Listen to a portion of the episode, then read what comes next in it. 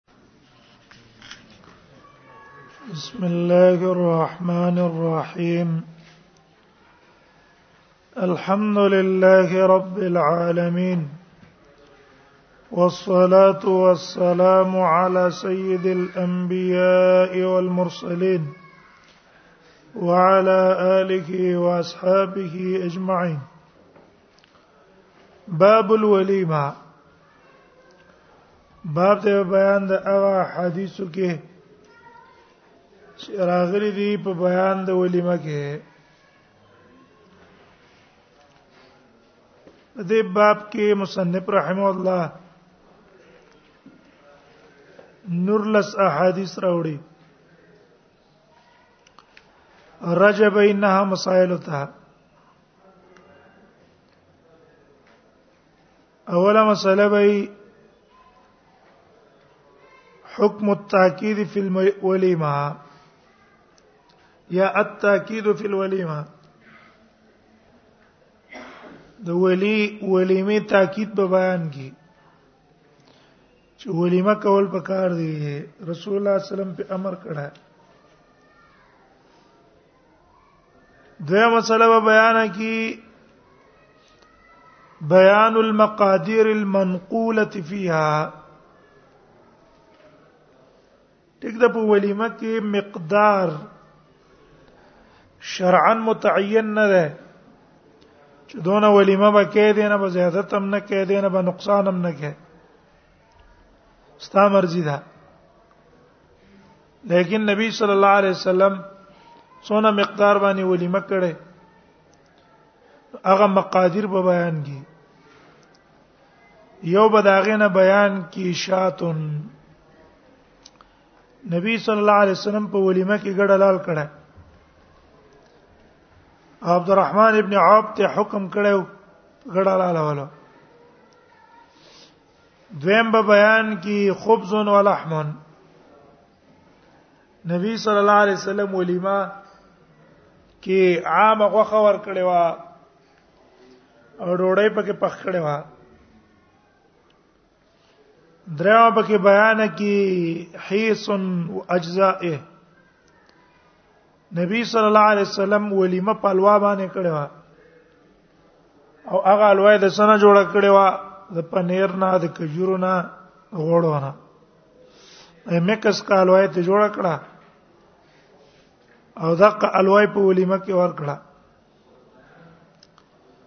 نو بل به بیان کی مدین من شعیر نبی صلی الله علیه وسلم دوه موده چې تقریبا دی وخت کې یو چټانګ د پاسه یو کیلو جوړیږي مدین من شعیر یو کیلو وربشي ډوړې پخکړې و پاغي ولي مکړې و بل به بیان کی سویق و تمار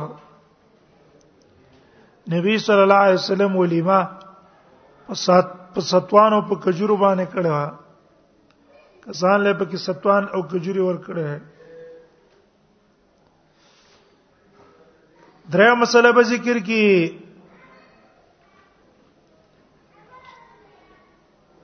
التاكيد باجابه الدعوه تا ته چا دعوت تر کو خوراک ته یې ولیمه ته واده ته نو د دې دعوت اجابت پکې او د دې په اجابت کې تاکید ته تاکید نو سلورو مسله بیان کې چې عدم الاجابه وقت وجود المانع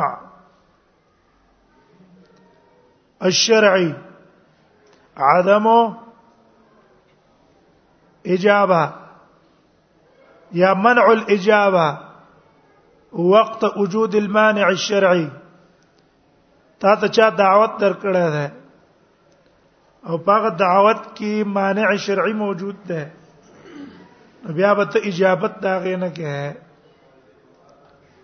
هغه موانع کې یو مانع ده وجود المنکر الته یو ناروا کار موجودی شرعا وجود المنکر منکر شرعي ده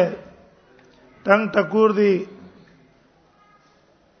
یا نور د شر نه ناروا کارونه شراب ال تسکل کیږي یا روټي کې حرام شي نه وغیر ذالک به بنځي دویم مانع د التفاخر کدا ډوړې د فخر او د ریا د پاره دې سړی دعوت کړو د پاره د ځان خودلو به به مې جوابت نه کړي جوابت پداغه نه کړي دریم نمبر د الفسق او الفسق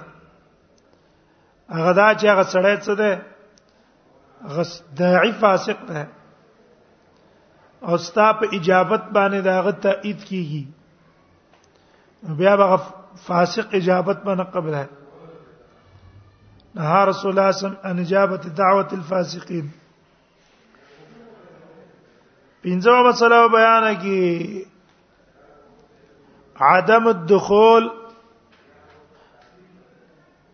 بلا اذن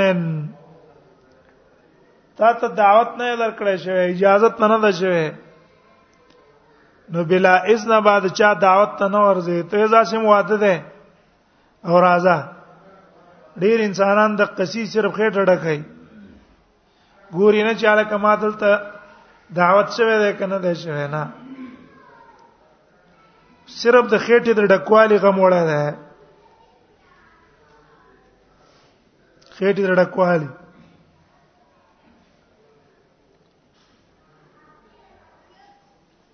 بل مسله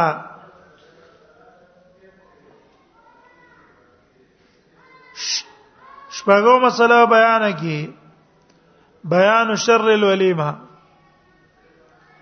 ولیمو کې بدترینه ولیمه کومه ده چې صرف مالدارو ته دعوت ورکې او فقیران پرې ده دا په ولیمو کې ډېر شر ولیمه ده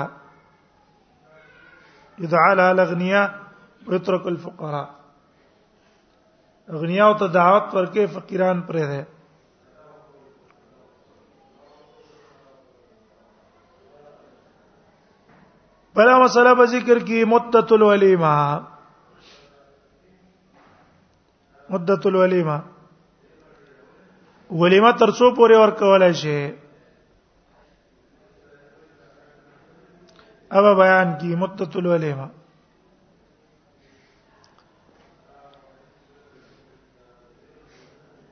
نو اتو مسله بیان کی بیان المرجح وقت تعارض الدعوتين دو کسانو ته دعوت درکو یوم د دعوت درکو بلم د دعوت درکو په یو ځل نو که چا ته مخ کې دعوت تر کړی داغه دعوت په مخ کې او که دعوت دان ته په یو ځل باندې درکو ځوان استا گاونډیانی بیا به اجابت د چا کې اقربهم منکا بابن چې بدیو کې د چا دروازه ته ته نږدې و دا غي اجابت په مخ کې کې دا قرب مرجح ده قرب څه شول دا مرجح شو نه هو مسله به ذکر کې عدم السؤال عن المسلم ان طعامه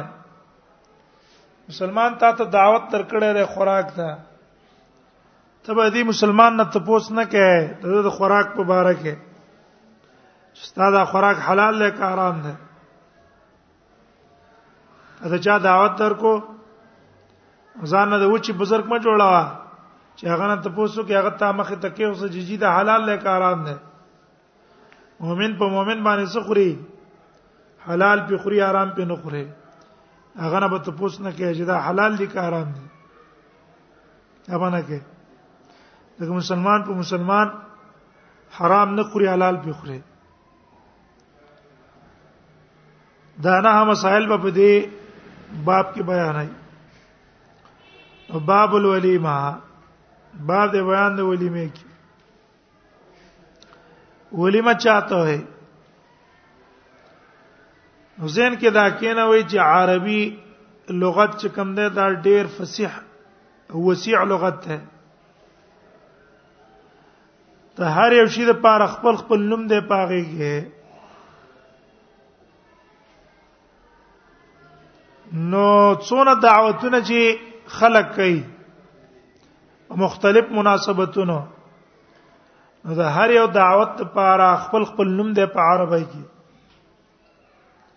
چې پاره کې یو د خرصه صاد سره یاسین سره الخرص یا الخرص دا طعام الولاده چې ماشوم څنګه پیدا شي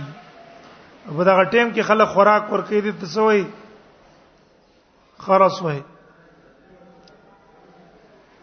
دویم نمبر دی الاعذار عین ذال الف ره دا د طعام الخطنه سنت باندې چې کوم ډوړې ورکیږي هغه ته ویل کی اعذار سنت غره کې چې خلک کوم ډوړې ورکړي سنت یې ورکړي دریم نمبر دی طعام الوکیرا الوکیرا طعام الوکیله څه ته وي طعام بناء البيت یو سره نوې کور جوړ کی ځان لا هداغه په خوشاله کې به خلک دعوت کوي هغه په خوشاله کې خلک دعوت کوي دي ته ویل کی طعام الوکیره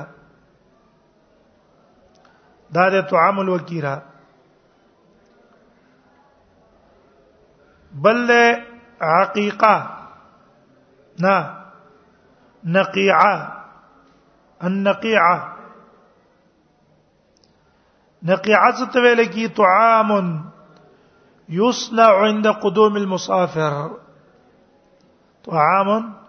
يصنع عند قدوم المسافر مسافر چې کله د سفر نه راشي او خلک را لګيږي او خوراک تیارای د پاره د شکرې دته په عربی کې نقیعه وي نو بل لاغه نه حقیقت ده حقیقت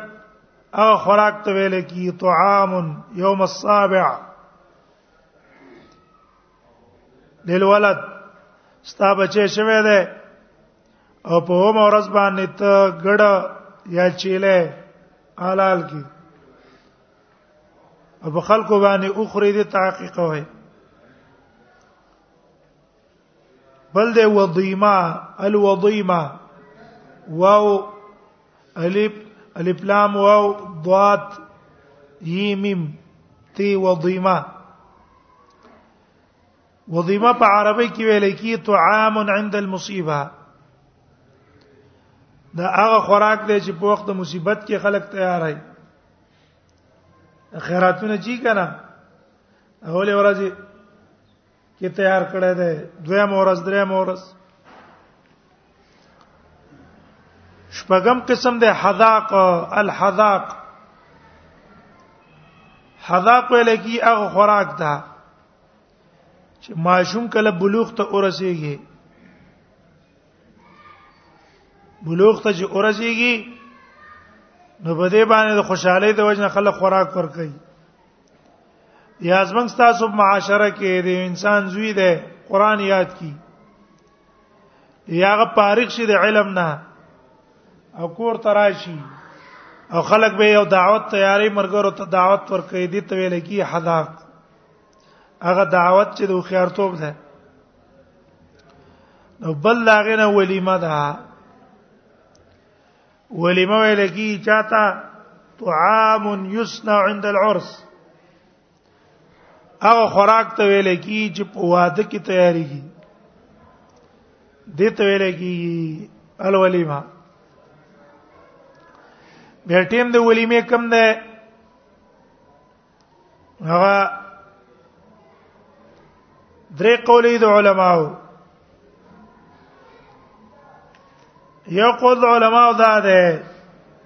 قبل الدخول د سی وای عند العقد چې خزه دې وکړه دی وخت به ورکه دویم قول دا ده چې نه بعد الدخول پس د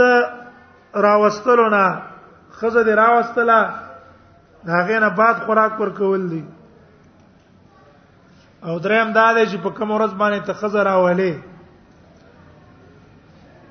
اگر که تعالی راوستي نه او دعوت ورکې په دې کې راجح دا دویمه خبره ده چې ولیمه بهتر عمل لا ده چې سړی خزه کور ترا نقل کی داغه نه بعد خوراک ورکړي شي هم په ولیمه کې صرف انتقال کافی ده صحبت پاګه کی کافی نه ده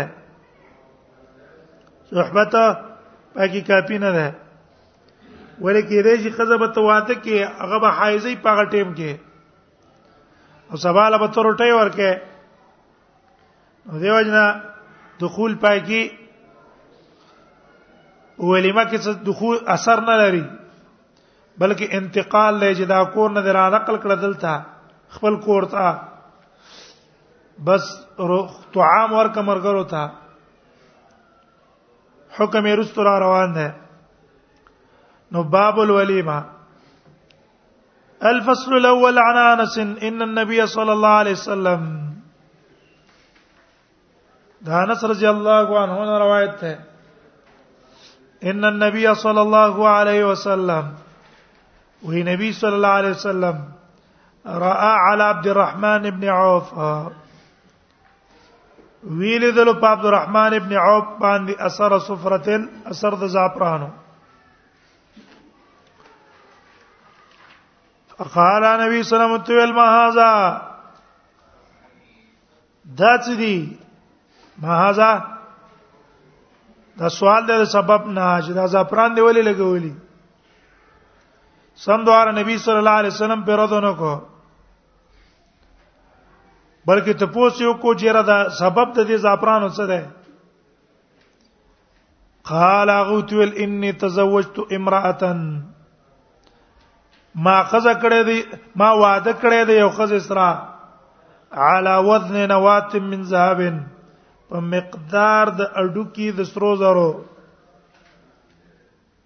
اے دا کجوري اډو کې نه ده علاوه زنوات په وزن د اډو کې د کجوري من ذهب د سرو زرو چې دینه تقریبا 15 تراهمه جوړیږي دونه مقدار په مہر کې مولا ور کړه ده به دا دلیل د جمهور لپاره وګوره عشرۃ الدراهم دا د مہر د پاره عقل یې سن ده بلکې ما یو تمول چې مال ته ویل کیږي نو دلته ګوره وزن نوات من ذهب څونه مقدار ده خمسه دراهم او احنا په چې کم شرط لګولې ده 10 دراهم نه قول لا غي صحیح نه ده کمزور ده به هم دلته غي تعویل کوي چې نه دا مہر معجل ده هڅه چه ده مار معجل ده على وزن نوات من ذهب په مقدار د اډو کې من ذهب د سرو زرو په مقدار د اډو کې د کجوري من ذهب د سرو زرو ما ځانه معلوم شو چې رسول الله صم په غیبونه پیدو په غیب باندې پیدل رسول الله صلی الله علیه وسلم باندې ته پوس نه کولای چې دا وله او دا ولا جواب هم نه ورکولای چې ما خزه کړي قال نبی صلی الله علیه وسلم بارک الله لك اولم ولو بشاتن الله تعالی برکت پکې واچي اولم ولو بشاتن ولمو کو ولو بشاتن ولو بشيء كثير مثل شاتن ګوره عامه قاعده دا ده چې د لون رستو کم شی راشي هغه د پاره د تقلیلی د څه د پاره د تقلیل دلته عام علما د دې قاعده نه معنا الټه ویل ده اواسی عقلی قاعده ولا ویل ده قاعده ولا څه ویل ده دا د مستثنا کړي د په استثناء عقلی ولې په زمانه د صحابو کې ګډ ډېر غټ شي نو کله د تقلیل د پاره مونږ وایو نو معنی څه شو ولو بشیء قلیل مثل الشات حالدار شات کو ورکوټه شي نه ډېر غټ شي په هغه زمانه کې نو د دق عقلی استثناء د وجه نه مونږ څوک لړل عام قیدین دلته خلاف مو کړه او هم ویل شي ولو بشیء کثیر مثل شاتن غټ ولیمه کا اگر ګډ باندې ولې نه ما هاذا د حدیث نه مسله معلومه شو چې ګوره د سړی د پاره خود زعفران لګول حرام دی نبی صلی الله علیه وسلم منع کړي نه رسول الله صلی الله علیه وسلم ان يتزعفر الرجل نبی صلی الله علیه وسلم منع کړی دا چې سړی د پزان زعفران ولګي سړی د پاره زعفران استعمالول په بدن باندې جایز نه دی یا په کپړو باندې استعمال جایز نه ده وګوره د ته نبی صلی الله علیه وسلم ولې څونه ویل کار دا ده چې غوسه شوی چې دا ولې لکه عمار ابن یاسر د سفر نه راغی روایت د ابو داود ده زما خپل لاسونه او چا چاودلیو نو وای کور والا مال په زعفران ولګول چې نبی سلام زه ولیدل نبی سلام ما نه مخواړو نبی سلام ما نه مخواړو وګوره چې نبی سلام دلته مخړه ولای دی د باندې ولې رد نه کو ته دعا او بارک الله لك او له مولا بشاد د دې یو جواب مالکیانو کړه او د خپل مذهب مطابق د مالکیانو مذهب ته دی او زعفران په کپړو لګول دي او یو زعفران په بدن لګول دي او بدن باندې زعفران لګول حرام دي د وجد احادیثو د نه نه او په کپړو باندې زعفران لګول جایز دي د حدیث د وجه نه ری مثال د څه ده یو ځړی حج لذي عمره لذي ته احرام تړلو نه مخکې په بدن ولا خوشبو لګول جایز دي او په احرام په کپړو باندې خوشبوئی لګول حرام دي جواز حدیث د عائشه رضی الله عنها ده چې رسول الله صلی الله علیه وسلم له منګه مخکې د احرام نه خوشبوئی په سر کې لګول خمه زیدار هغه به دلیل شو او په کپړو کې جایز ناروا شو دلتم زعفران په کپړو کې جایز شو بدن کې ناروا شو هغه په عکس لیکن دا قول کمزور دی ولنا رسول الله صلی الله علیه وسلم اتزعفر الرجل دا لفظ عام دی شامل له بدن ته هم او شامل له کپڑے ته هم لہذا جمهور علما په نسبت باندې او بدن باندې هم او په کپړو باندې هم زعفران لګول په دوانو جې ناروا دي جمهور به را لګیدلی جواب یې کړه یو صورت اختیاری ده یو صورت اضطراری ده د باندې زعفران لګی دی دی دا علا سبیل الاستقرار دی دا غیر اختیاری دی ځکه نبی سم ته پوس کړی ما هاذا چې دوی ته چې وعده مې کړې ما دا د خزینه ماته لګی دی دیو جن نبی سم ته ځخیره دیم جواب کړی دی چې دا قبل نه کی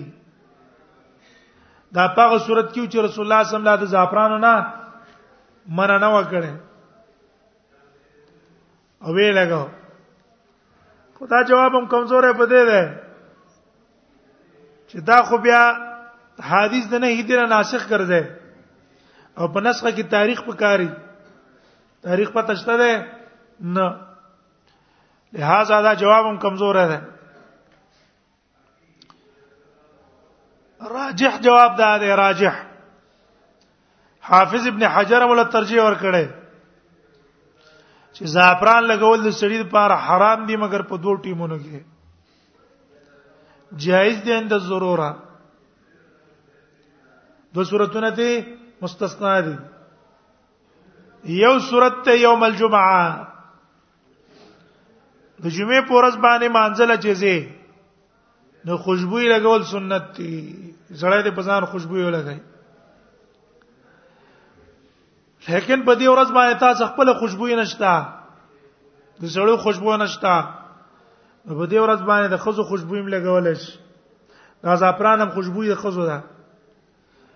دلیل په روایت ته د ابو داود ولو من طيب امراته ولو من طيب امراته اگر که د خځې خوشبوئی ولې نه نو د خځې خوشبوئی څه ده پودر دی سرخی ده زعفران دی دا لګول جایز دي او دویم صورت ته واده ده د وعده د جواز د پاره دا حدیث ده جواز د پاره دا حدیث ده ګور رسول الله صلی الله علیه وسلم ته پوښتنه کوم هاذا اما هاذا دلیل له پدې چې رسول الله صلی الله علیه وسلم تزمخ بالخلق نه منع کړی دا کنه چې ځان په زعفرانو باندې نه کړه وای نو کدا نه هی نه رسول الله صلی الله علیه وسلم ته ما هاذا ته پوښتنه وکړه دا ته پوسه ته زکه کړه چې اول کې نبی صلی الله علیه وسلم نه کړه خو چې دا ته وی چې دا الله نبی وعده مې کړه ابو وعده کې خامہ خزان باندې سړی څه کوي دغه ګوته مته وای بس ما په ځان باندې دا زعفران لګول نو نبی صلی الله علیه وسلم تول بارک الله لك اولم ولو بشات دا راجح جواب شو انی تزوجت امراتن دا د انصار یو خزه کړه وا علاوت نوات من ذهب خبره مخکې مونږ وکړه چې وزن نوات من ذهب دا د خمسه دراهم سره مساوي دي خمسه دراهم سره قال نبی صلی الله علیه وسلم ویلا په هغه وخت مساوي وخا هغه وخت د خمسه دراهم څه څو اوس خو وزن نوات من ذهب 200 درهم نه مخ وړي وای د کجوري مر سر زر چر واخلې غډیر شې ته جوړيږي کنه کجوري مر سر زر د کجوري د اډو کې مر سر زر ډیر شې ته جوړيږي قال بار بارك الله لك الله تا ته کې برکت واچي ور واده والا ته دوه قسمت واغان راغلي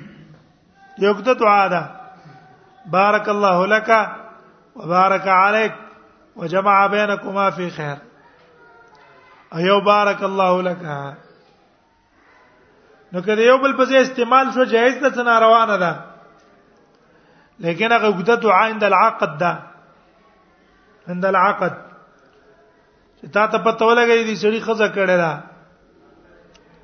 مونږ تاسو ته څو وایو ګړه ماته او خلکو ته کویدنه موي کویدنه کړي دا یا ګړه ماته کړي یا مینګ نه جوته وي دې کړي بیا دا دعا ته وګدا وکا بارک الله لك وبارك عليك وجمع بينكما في خير او چې ته پته ولګې دا چې ته واده کړې ده خزه کور تر اوستلې ده پس به بلند دعا کې بارک الله ولک الله تعالی کی برکت واچي اولم ولو بشاتن ولما وکا ولو بشاتن اگر که پلک شي اگر که پډیر شي د ګډم راو اولم امر ده دا امر د پاره د وجوب ده که د سنتیت د پاره ده د اهل ظواهر مذهب دا ده چې د وجوب د پاره ده لہذا ولیمه واجبه ده لہذا ولیمه واجبه ده سره چې وادو کې خامخا به ولیمه کوي ولیمه اونکړه د ګناګار ده تارک ده د امر استدلال یې نیولې په دې صيغه د امر او لم ولو بشات دویم قول د جمهور علما و ده جمهور علما ولما سنت تا کو دې کړه ثواب ده او کو دې نکړه ګناګار نه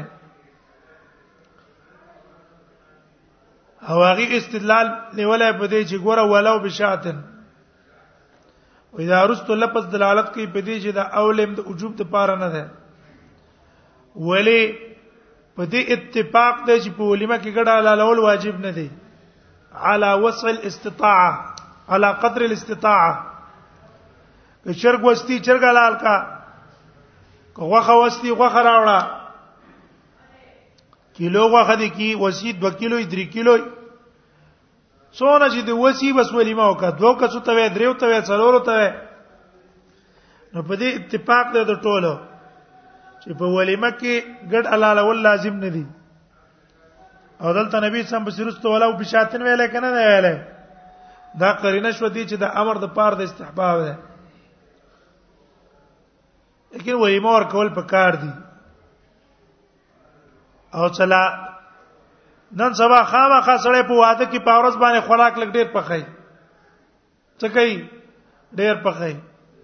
د شپک سره غواړي بس نام ولي مش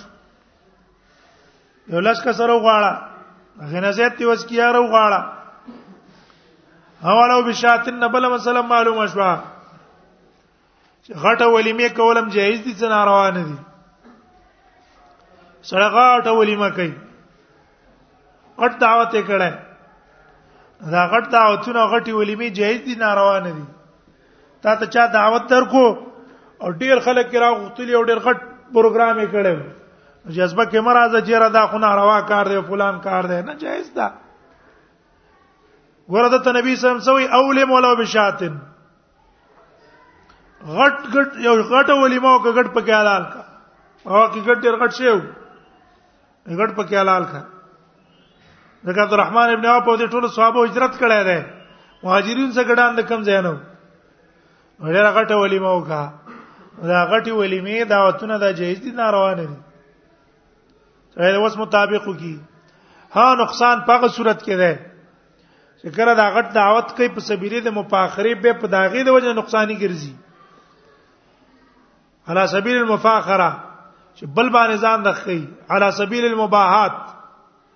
ځان خودلې ریا په وجه او یا دغه پیسې لګی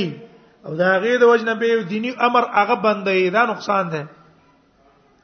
مثلا زله کې پیسې ورکوم یو مدرسه کې استاد دی غله پیسې ورکوم یا لګه خرچه پاږي کې کوم اکس پلان روان کړي ما یو غاټه ولیمه او دعوت وکړو بس است زور هغه پیسې استاد ته وباسم یاره بس ما وی واده وکړو پیسې را باندې رااله یاز استاد تنخوان عاجز دا ولیمه به عذاب ده دا به ناروا ده دسی ولیما به ناروا ده چې مانع ګرځي د نور امور خیریونه او جناغ دینی امور دی روان دي او ته غټه ولیمه کې څو مارات پدې کې نشته جایز ده خیره نبی صلی الله علیه وسلم خپل ګډه لال کړي وشبع الناس خبزا ولحما خلک په غوخه په ډوړی څه کړیو ماړ کړیو د زینبې په واده کې نو دا ورانواله د کوم ځای راځي هغه دینه چې دا سبب وګرځي د پاره دا یو بل نقصان د پاره او اکثر څنګه دا غټي ولیمې هم د قصي پیسې چې بیزه اولګي زوري چاته وځي او هغه طالبانو ته مدارس ته مجاهدینو ته هغه ته به ضرور رسی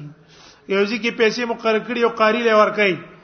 قاری باندې به تنخواه شاټ کی څوکي دا هغه تنخواه شاټ کی د یو میاشت او دوه میاشتې او درې میاشتې او څلور میاشتې دا هغه تنخواه شاټ کی نه کړه مولا دا بخاوري خوري دا قاری بخاوري خوري مار دی کنه دا انسان دی هغه د تنخواه به پروا نه ساتي نه په کار دا دی چې دا ستا لاس لاندې څوکي چې هغه له تمخ کې مخ کې نه ارڅو لور کې دغه سی ولیمه به ټیک نه دی او چې عام دعوت او نور غربا فقرا باندې اثر نه غورځي او اثر خیره خبر باندې پیږي مونږ تاسو چې ګوره مصلحت د شریعت ته ګورو کنه شریعت فقرا فقرا مجاهدین فی سبیل الله طلبه د دې ذریات مخکې کړي دي انسانانو په ذریاتو ته مخکې کړي دا غي په ذریاتو اکثر چې موږ تاسو وګورو دا مخکې دي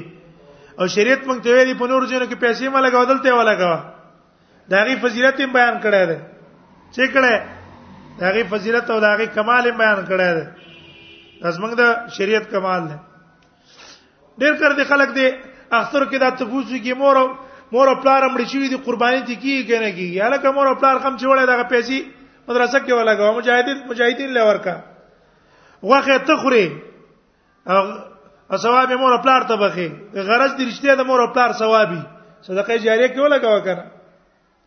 یا قرباني کې پنځه شپه قربانې نه لالې څه ضرورت ده محمد رسول الله قرباني کې یو غټ کړه ده نبی صاحب قربانه کې څه شي کړو یو ګډ یو ګډ د خپل طرف نه او د خپل کور طرف نه او بل ګډ د خپل امت د طرف نه مله من زحین امت دغه علماء وای چې یو قرباني به تر ده